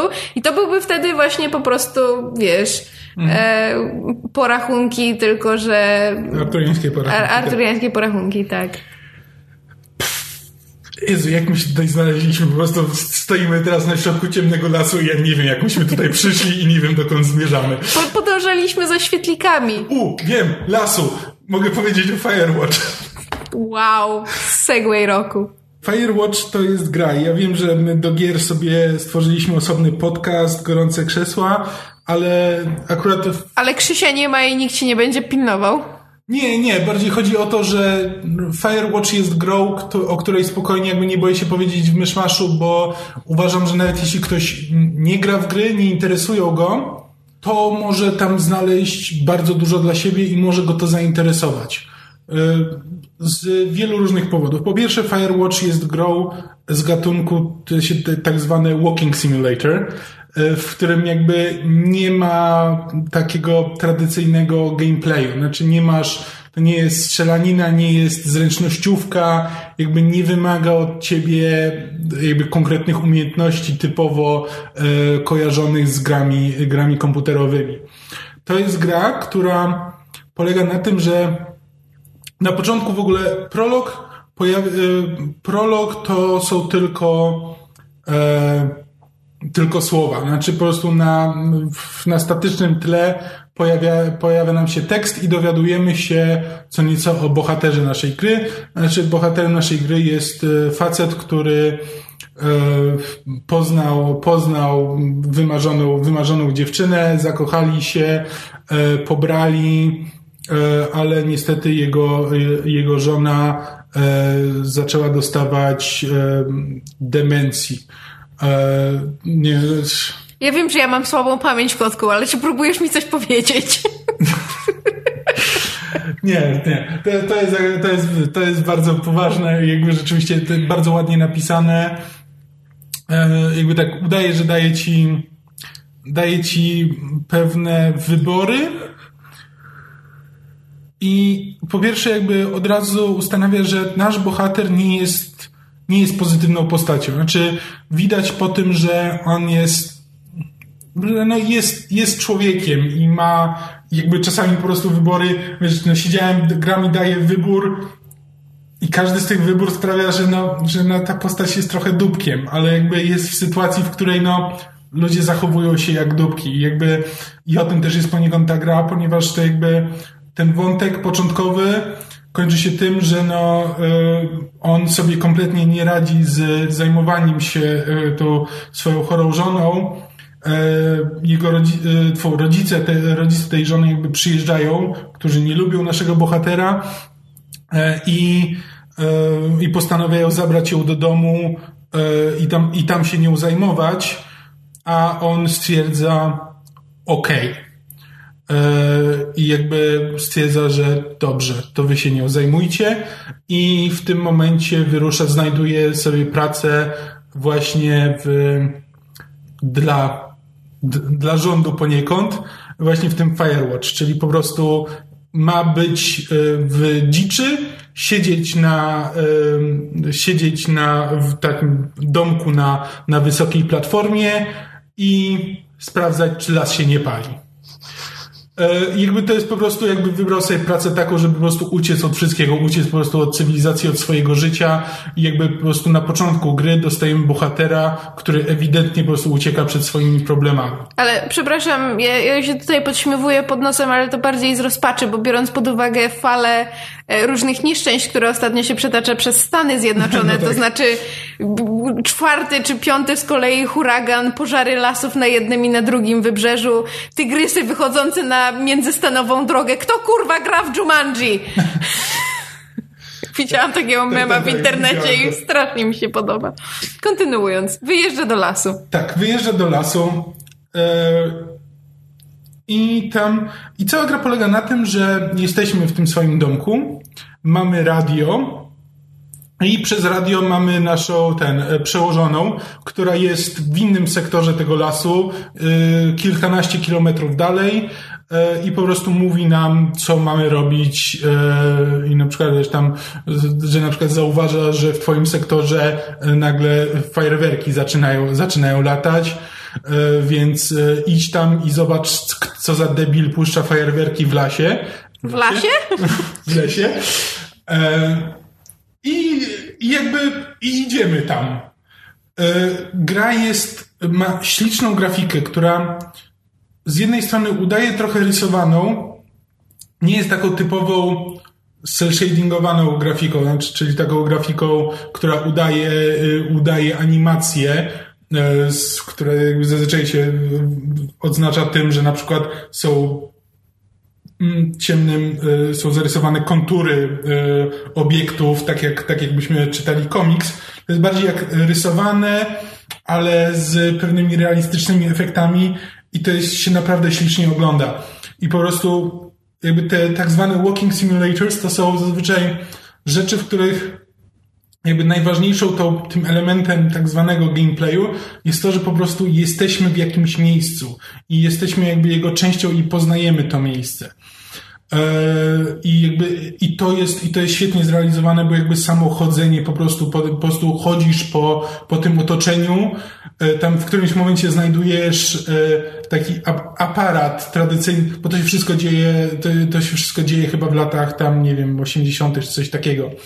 E, i znajdujesz taki nakręcany aparat po prostu z rolką e, i możesz, i masz po prostu w czasie gry możesz zrobić tych 25 zdjęć czy coś takiego, bo, bo te, tyle masz zdjęć w aparacie e, i właśnie chodzisz i czasami po prostu znajdujesz ładne widoczki, robisz sobie zdjęcie, potem te zdjęcia, te zdjęcia można oczywiście tam szerować odpowiednio. I, i rozmawiasz, i rozmawiasz z tą, z tą dziewczyną, z tą swoją przełożoną. I tutaj, no, w zależności od Twoich wyborów, znaczy nie wiem dokładnie, jak to, jak to wygląda, co, co dokładnie się dzieje, jeśli wybierzesz inne, e, inne opcje dialogowe, ale no, tak jak ja grałem, to, to bohater nagle buduje, tak, buduje więź z tą, z tą przełożoną. I jakby i co prawda nigdy nie poznajemy tej żony, tego głównego bohatera, ale jakby po tym, co nam oni takich w takich mało szczegółowych, bardzo ogólnikowych rzeczach e, mówi o niej e, ten, ten prolog, jakby widać, że ta, e, ta kobieta ma sporo podobnych cech, znaczy na przykład poczucie humoru, czy jakby sposób, sposób w jaki, jaki postrzega świat i ewidentnie jakby bohater buduje z nią, e, buduje z nią taką więź, która trochę mu zastępuje tą, tą więź z żoną. To też trochę zależy od, od naszych decyzji, jak bardzo on w to e, głęboko, głęboko może wejść. Tam jeszcze po drodze potem po drodze pojawiają się, pojawiają się dziwne rzeczy, znaczy nagle bohaterowie się orientują, że ktoś ich chyba śledzi albo obserwuje i nie wiedzą, y, nie wiedzą kto i dlaczego i jest taki dziwny element thrillera. Nie powiem jak się, nie powiem jak się kończy, bo to, e, bo to jest też interesujące.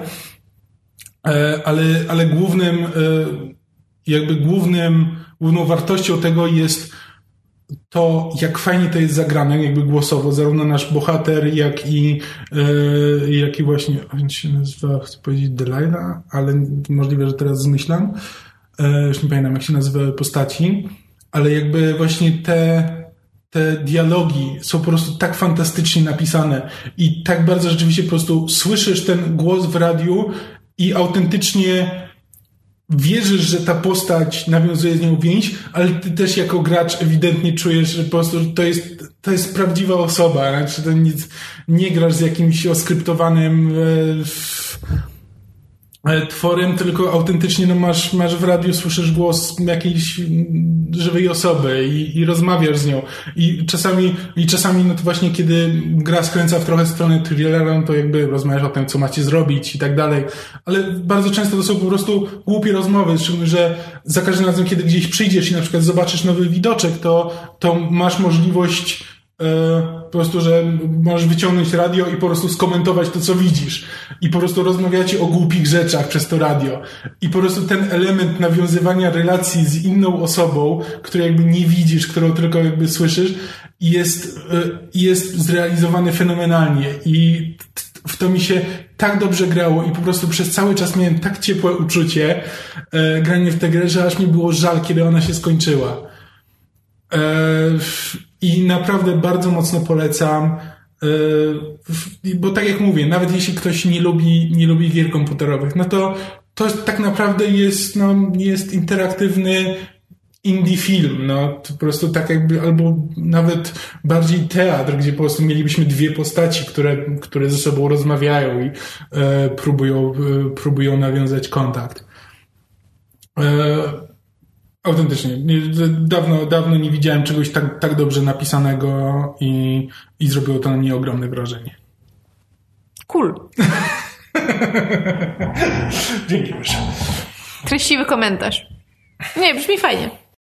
Dobrze, i na koniec chciałabym e, w paru słowach omówić początek kolejnego sezonu American Horror Story, jednego z moich ulubionych seriali, o którym często w podcaście mówię. Zaczął się siódmy sezon, pod tytułem Cult, bo każdy sezon American Horror Story jest o czym innym, bo jest to serial antologia. Gdzieś po polsku kult. Podejrzewam, że tak, takie będzie tłumaczenie.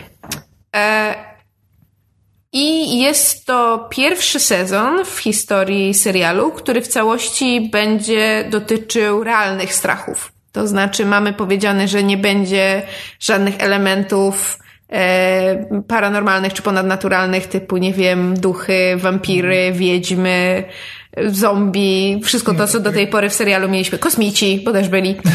Um, I akcja dzieje się y, tuż po ogłoszeniu zeszłorocznych wyborów na prezydenta Stanów Zjednoczonych. Dzieje się jakby w, w realnym świecie, to znaczy wygrywa Donald Trump, E, I mamy, e, przynajmniej w pierwszym odcinku, e, punkt widzenia przede wszystkim dwójki bohaterów, granych przez moich ulubionych aktorów w serialu, czyli Sarah Paulson i Ewana Petersa. Dwójkę zresztą moim zdaniem najlepszych aktorów w serialu i ja się strasznie cieszę, że wreszcie dostali główne role. Bo, bo będą, będą mieli okazję pokazać, na co ich stać. Nie, że wcześniej nie mieli okazji. Sarah Paulson już nawet wygrała E, parę nagród, natomiast wygrała je za e, inny serial Ryana Murphy'ego, czyli The People vs. O.J. Simpson, czyli American Crime Story. Jak tylko powiedziałaś słowo Trump, to zaczęło mi w, w głowie grać jumping and trumping, a potem zamieniło się w jump scares and trump scares. Nieważne. Bardzo niszowy, bardzo niszowy referenc. Dobrze. Disregard that. Proszę, proszę zignoruj mnie. Jesteś dziwny i tak się kocham. Uh, i mamy punkt widzenia e, postaci gra, granej przez Sarah Paulson, e, która jest e, demokratką, jest jakby liberalna i bardzo rozpacza, że Trump wygrał wybory i w ogóle nie może się z tym pogodzić. Do tego stopnia, że wygrana Trumpa wywołała u niej nawrót bardzo wielu fobii. Ona ma mnóstwo fobii, tam fobię klaunów, fobię e, dziur, w sensie otwory ją wywołują u niej, że tak powiem, nieprzyjemne reakcje i, i jakby cała, cała taka długa e, lista. Ona leczy się u e, psychiatry, którego gra e, Cheyenne Jackson, taki bardzo sympatyczny aktor, który też jeszcze wcześniej w American Horror Story pojawiał. E, jej żonę, partnerkę gra Alison Pill, wspólnie mają syna, którego razem wychowują, e, zarządzają restauracją. Natomiast po przeciwnej stronie, że tak powiem, barykady, zupełnie przeciwnym biegunem jest postać grana przez Ivana, e, Ewana Petersa. Jest to Kai, który jest...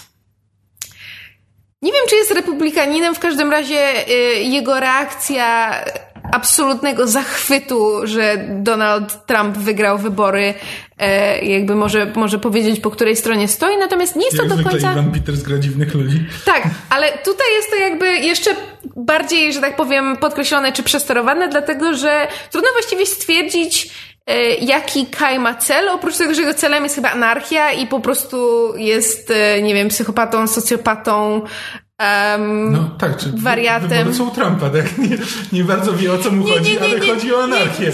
Nie, no umówmy się, wyborcy Trumpa to jest bardzo szeroka grupa i nie chciałabym, nie, chciałabym w ten to, sposób ja, uogólniać. Oczywiście, że to jest bardzo niesprawiedliwe. E, natomiast jego, jego jakby, jego miłością, nie wiem, fascynacją tym, do czego on dąży jest strach. I w ogóle strach jest jakby tematem e, tego, tego sezonu. To znaczy jakby e, to, jak jak unikamy strachu, jak reagujemy na strach, jak strachem się w ludziach manipuluje, na przykład jak media manipulują naszym strachem, naszymi lękami. E, I, I Kai jest jakby właśnie tą postacią, która, która żyje strachem, żyje z wywoływania strachu w innych, jakby on w pewnym momencie mówi, że strach jest jakby jedyną wszech, e, jakby taką wszechogarniającą i międzynarodową, uniwersalną walutą i jakby jest w tym, będzie w tym sezonie coś czuję bardzo dużo takiego e, po, po, polityczno-społecznego filozofowania i okej. Okay. Um, natomiast i jakby występy aktorskie są, są bardzo dobre, pomijając, y, niestety ona się nazywa Billy Lord, czyli to jest córka świętej pamięci Carrie Fisher, która już wcześniej grała, grała u Ryana Murphy'ego w, serialu, w serialu Scream Queens, gdzie myślałam, że to taka rola, ale nie, ona po prostu nie umie grać. Ojej. Ups. E, to bywa. E, I ona gra siostrę Kaja? Nie wiemy do końca. W każdym razie on ma z nią jakąś bardzo e, pełną manipulacji, prania mózgu relację. Ona się zatrudnia jako e, niania tej e, pary naszej lesbijskiej i, i pomaga im wychowywać synka, ale jednocześnie widać, że e, pomaga Kajowi e, doprowadzić bohaterkę graną przez, przez Sarah Paulson, jakby doprowadzić ją do histerii, bo e, Kai i jego poplecznicy, bo można odnieść wrażenie, że Kai jest jednym z, jest przywódcą jakiegoś kultu. Jakiegoś właśnie, nie wiem, kultu anarchistów mm. czy, czy jakichś wywrotowców. Um, i oni próbują doprowadzić właśnie postać Sary do, do skraju załamania nerwowego, bo um, pokazują się jej w klaunach, e, w, w maskach klaunów. Na przykład w, w, jest upiorna scena, kiedy ją dręczą w opuszczonym, znaczy opuszczonym, w, wiesz, późną nocą pustym e, sklepie spożywczym. E, jakby też zaczynają się dopuszczać o wiele bardziej drastycznych e, zbrodni i, i jakby ogólnie mam wrażenie, że, że będzie to, e, ten wątek tego zaszczucia będzie, będzie dalej prowadzony. Natomiast mam kilka problemów, to znaczy mówię, aktorsko jest fantastycznie, natomiast pilot pokazuje nam właściwie tylko tę dwójkę bohaterów i ich życie.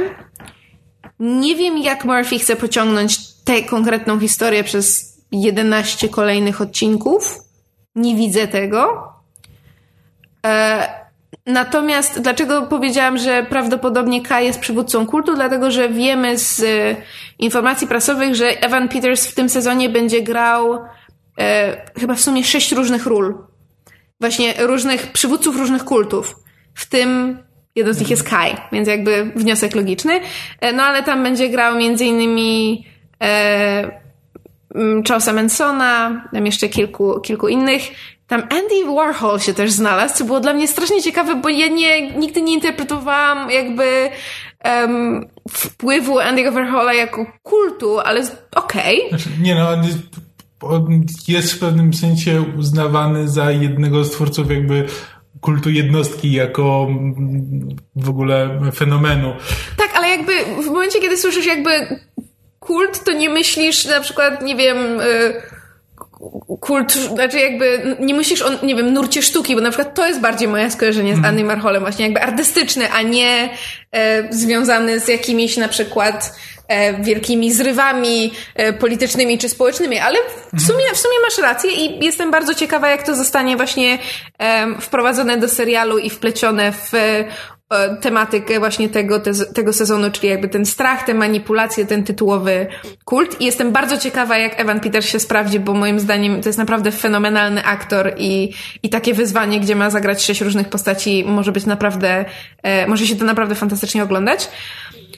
Ale jest też kolejna rzecz, to znaczy ja, ja uważam, że Ryan Murphy należy mu się szacunek i bardzo go podziwiam za to, że on w ogóle porusza takie um, tematy społeczne, bardzo często te, porusza tematy, które są e, aktualne, czego by nie mówić o, o Glee i o tym, jak um, wykorzystywali chodliwe tematy i, i, i no. robili z nich szopki, ale jakby Murphy trzymał rękę na pulsie mhm. i, i e, mógł jakby grać pod publikę, no ale jednak nie bał się pewnych tematów trudnych poruszać i w American Horror Story robi to od dawna. I tutaj rzeczywiście jakby no niewiele czasu tak, minęło od kiedy Trumpa wybrano, więc... On w niesamowity sposób potrafi łączyć jakby prawdziwie takie pełne, pełne prawdziwego serca i ducha podejście do spraw z absolutnym cynizmem. Tak, ale i kampem jakby, na przykład. Tak, ale tak z, z jednej strony po prostu czujesz, że, że to są rzeczy, na których mu naprawdę zależy i o których ma coś do powiedzenia, a z drugiej strony czujesz, że to jest właśnie ten zwykły cynizm i skok po prostu na... Na kasę, tak, tak na i na...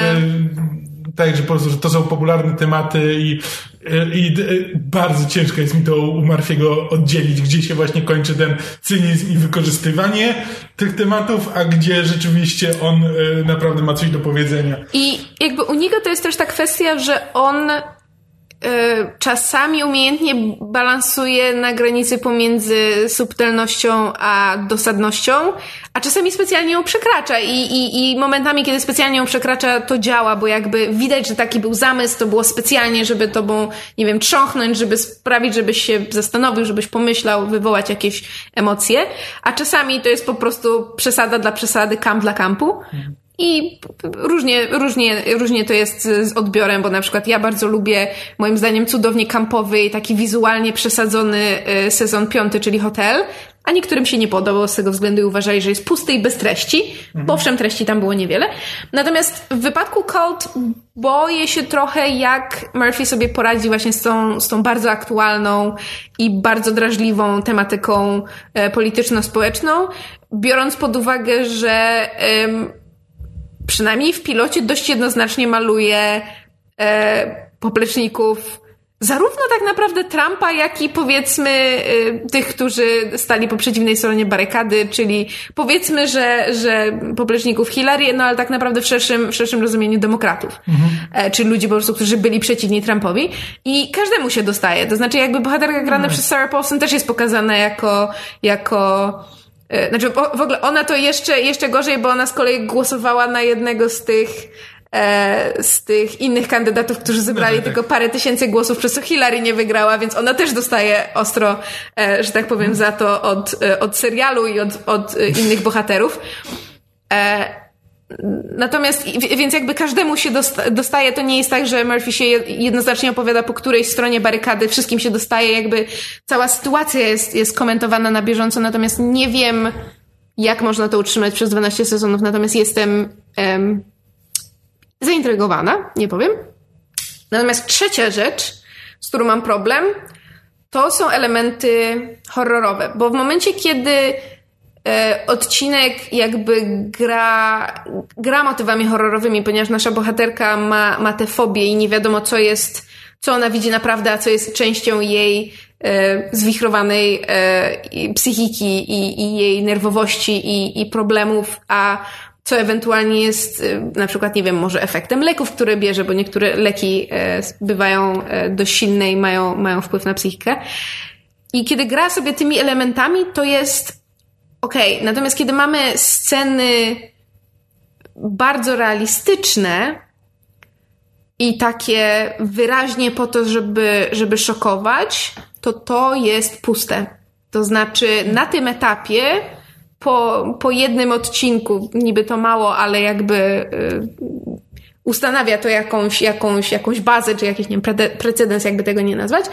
Elementy te takie, żeby, żeby zaszokować, nie przestraszyć, zaszokować, czy obrzydzić, są, są po prostu puste. To znaczy jakby mam wrażenie, że to było tylko po to na zasadzie, co jest najbardziej e, nieludzką, obrzydliwą, nie do pomyślenia, nie wiem, ze, ze zwierzęconą, niewyobrażalną rzeczą, jaką jesteśmy w stanie pokazać i to pokażmy. Żeby coś mhm. powiedzieć o naszym, o naszych bohaterach, czy o, o ich działaniach.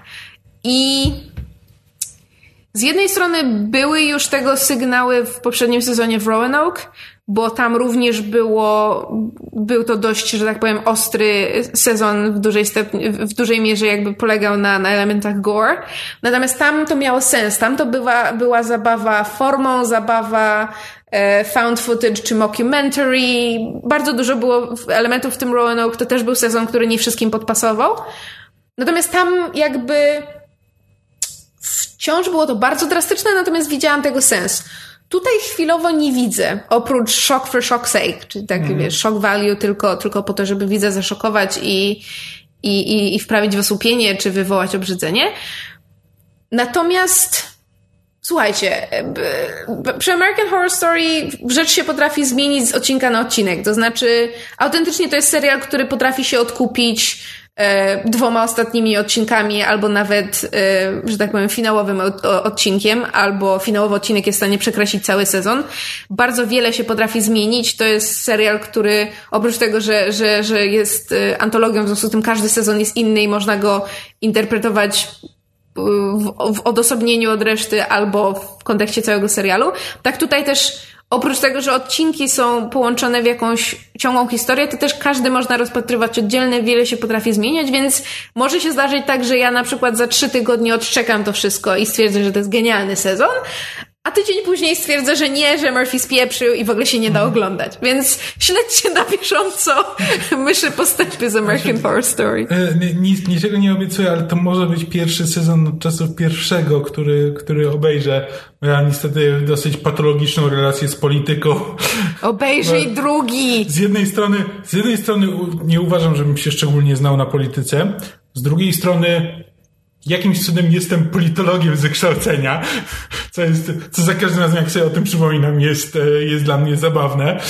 E, ale to jak mają kierownik naszej katedry, ten kierunek, który ja skończyłem, e, jest, jest pisany pod politologię tylko i wyłącznie dlatego, że na socjologii się skończyły granty. Więc tak, ja jestem, ja jestem tylko nominalnie politologiem. Nie uważam, żebym się jakoś szczególnie znał na polityce, oczywiście jak każdemu prawilnemu Polakowi nie przeszkadza mi mieć bardzo konkretnych poglądów. E... Jedynych słusznych?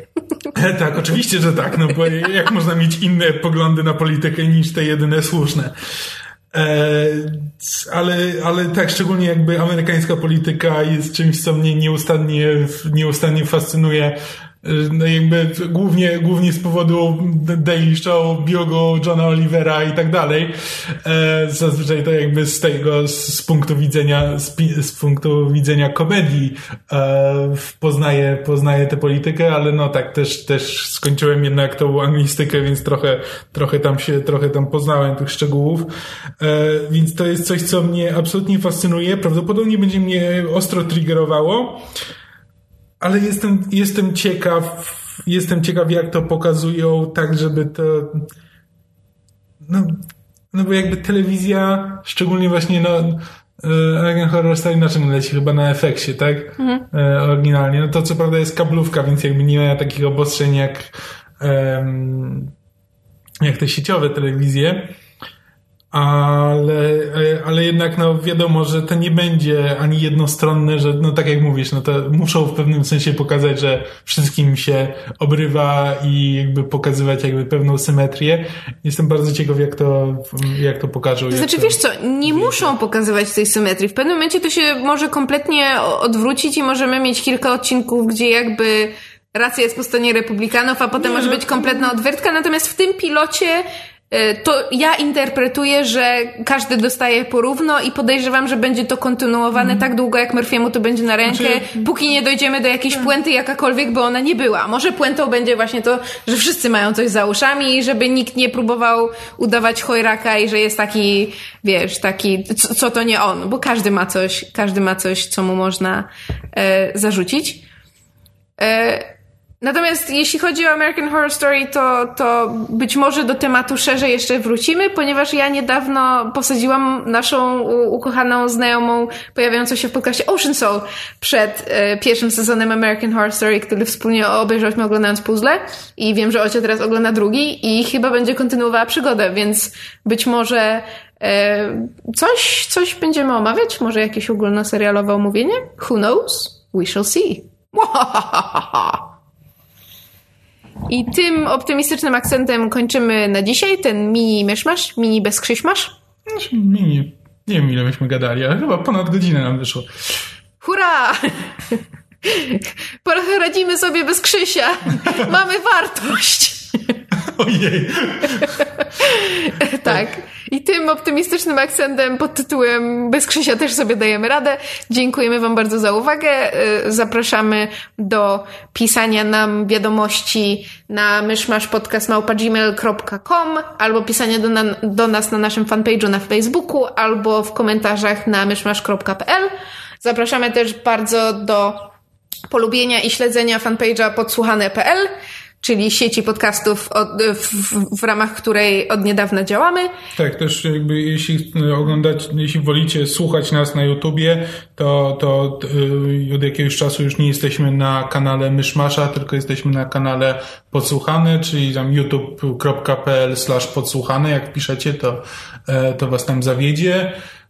Znaczy, miejmy nadzieję, że was nie zawiedzie, ale e, tak, ale tam traficie. Doprowadzi, tak.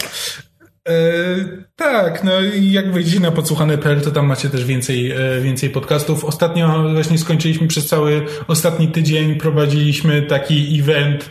E, jeśli, jeśli nie wiecie, no to mamy taki podpodcast nazwany Sesji na podsłuchu, w którym zaczęło się od tego, że z Krzysztofem graliśmy w Numenerę. E, a teraz e, Paweł nam poprowadził sesję kryminalną pod tytułem Rzeźnik z dzielnicy portowej, e, w, którym, w której ja, Mysza i Ocia graliśmy detektywów, którzy próbują znaleźć, znaleźć okrutnego mordercę i wychodziło nam to, to różnie. Dodajmy, że w klimatach takiego pseudo-wiktoriańskiego fantazy. Tak.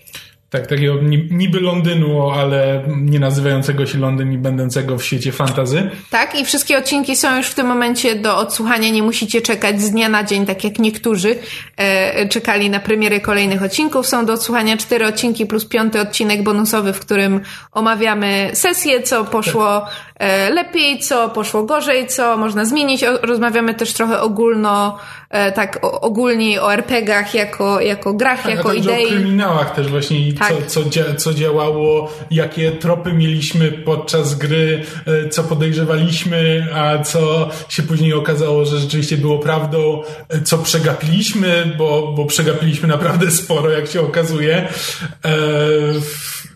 Więc e, naprawdę polecam, szczególnie, że Paweł wykonał kawał dobrej roboty, montując to, dokładając muzykę. Efekty dźwiękowe. Efekty dźwiękowe. W jednym momencie autentycznie uratował scenę, która moim zdaniem wydawało mi się, że po prostu wyszła beznadziejnie, a kiedy Paweł ją zmontował i dograł do tego muzykę, to, to jest jedną ze śmieszniejszych scen w całej, e, w całej sesji. Tak, więc gorąco zachęcamy. Nie jest to prawdopodobnie nasz ostatni tego typu projekt. Będziemy się starali e, rozwijać e, w ramach e, projektu Podsłuchane. Będziemy różne nowe, nowe projekty rozpoczynać, kontynuować niektóre. Być może szykują się jakieś zmiany również u nas w Myszmaszu, ale o tym szerzej być może już niedługo.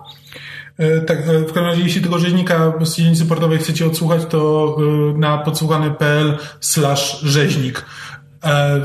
Tam, tam są wszystkie linki, zarówno do miejsc, w których były dyskusje spoilerowe, a także fanarty. Tak, słuchajcie, okazuje się, że ludzie czasami rysują fanarty waszych, tak. waszych postaci w RPG. Jest to absolutnie nie do opisania uczucie, kiedy coś tak. takiego się widzi. Ja znaczy, nigdy nie myślałam. Pierwszy raz w naszym życiu, kiedy autentycznie czujemy. Znaczy, zdarzało nam się dostawać fanarty i to zawsze było strasznie miłe, w ogóle jak dostawaliśmy, yy, ale to było o tyle dziwne, że to jakby to nie byliśmy my, tylko były nasze postaci. Mhm. To, jest to jakby. Inna kategoria. Tak, zupełnie. to jakby nie byli nasi fani, ale fani naszych kreacji, co jest czymś zupełnie innym nie wiem, czy bardziej satysfakcjonującym, ale satysfakcjonującym na zupełnie innym poziomie, niż kiedy ktoś lubi po prostu ciebie, a kiedy ktoś lubi coś, co stworzyłeś, jakby jakąś twoją kreację. Znaczy, my na e, przykład bardzo kochamy was, naszych słuchaczy, no bo jesteście fanami czegoś, co stwarzamy, czyli podcastu. Natomiast ciężko jest robić fanart podcastu, tak.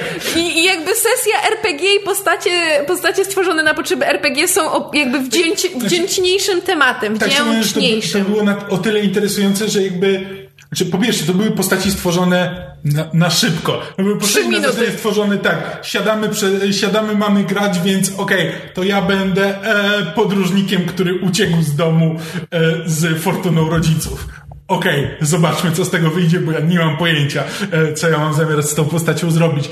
I potem na przykład oglądanie, jak ktoś inny wyobraża sobie tę postać, tylko na podstawie tego, co ja mówiłem i to po niego mówiłem po prostu wymyślając kompletnie na bieżąco, jest fascynujące. I jakby, jeśli słucha tego ktoś, kto zrobił jeden z tych fanartów, to, e, to bardzo wam dziękujemy. W ogóle, jeśli słuchaliście rzeźnika, to, to, to bardzo dziękujemy. Jeśli nie słuchaliście, to polecamy. E, a jeśli ktoś chce narysować fanart Myszmasza, to, to też zachęcamy zawsze, Jej! bo nam bardzo jest wtedy miło. E, a też przy okazji, jeśli będziecie chcieli się z nami spotkać, to za następny weekend, nie w ten, czyli za dwa tygodnie, od czwartku do niedzieli będziemy w Toruniu na Kopernikonie E, i tam nas można łapać. Będziemy mieli całą masę różnych prelekcji, e, będziemy się pamiętali po korytarzach, więc jeśli chcecie, to na pewno nas znajdziecie. Znaczy, będziemy na pewno mieli panel wspólny z ekipą, resztą ekipy podsłuchane. Tak. Będziemy mieć e, pogadankę tłumaczenia? o tłumaczeniach, tradycyjnie już, tak.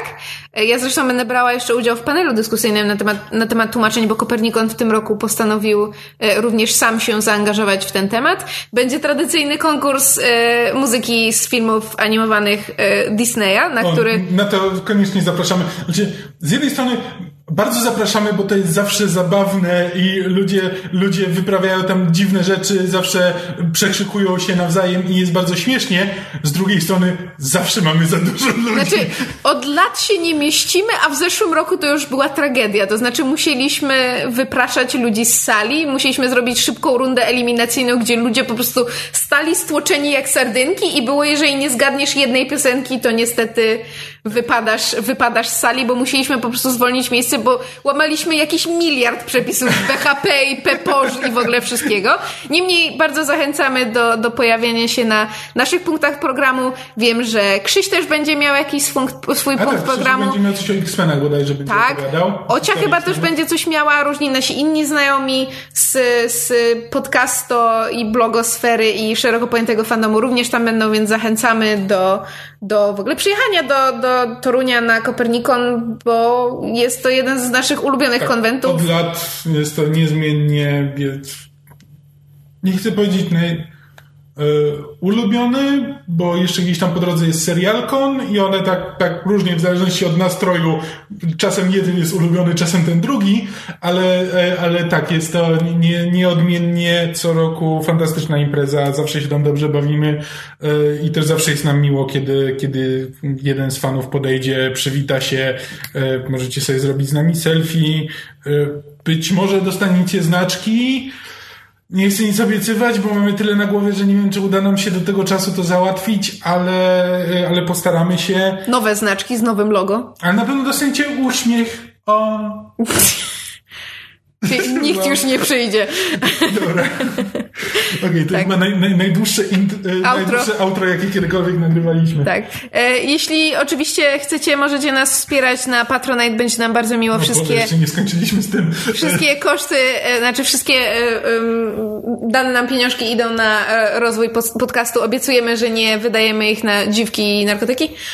Tylko troszeczkę. E, I tym akcentem... Jeśli już to, ten, to, jeśli to wydajemy na dziwki, które potem mają promować myszmasz u innych klientów. Tak. I tym akcentem kończymy na y, dziś. Raz jeszcze dzięki za uwagę i do usłyszenia już w pełnym składzie, tradycyjnie w przyszłym tygodniu. Cześć! Na razie! A jeśli do nas napiszecie, będziemy szczęśliwi jak langusta w... Morelach. Tak. Nie wiem, czy możemy to tak zostawić. Zostawmy. Nie, bo ja muszę mówić zwierzątko. A, no dobrze. No nie możesz dopowiadać mi zwierzątka. Jeśli do nas napiszecie, będziemy szczęśliwi jak langusta w morelach. Nie, mangusta w morelach. Co ja przed chwilą powiedziałam? Jedno z dwóch.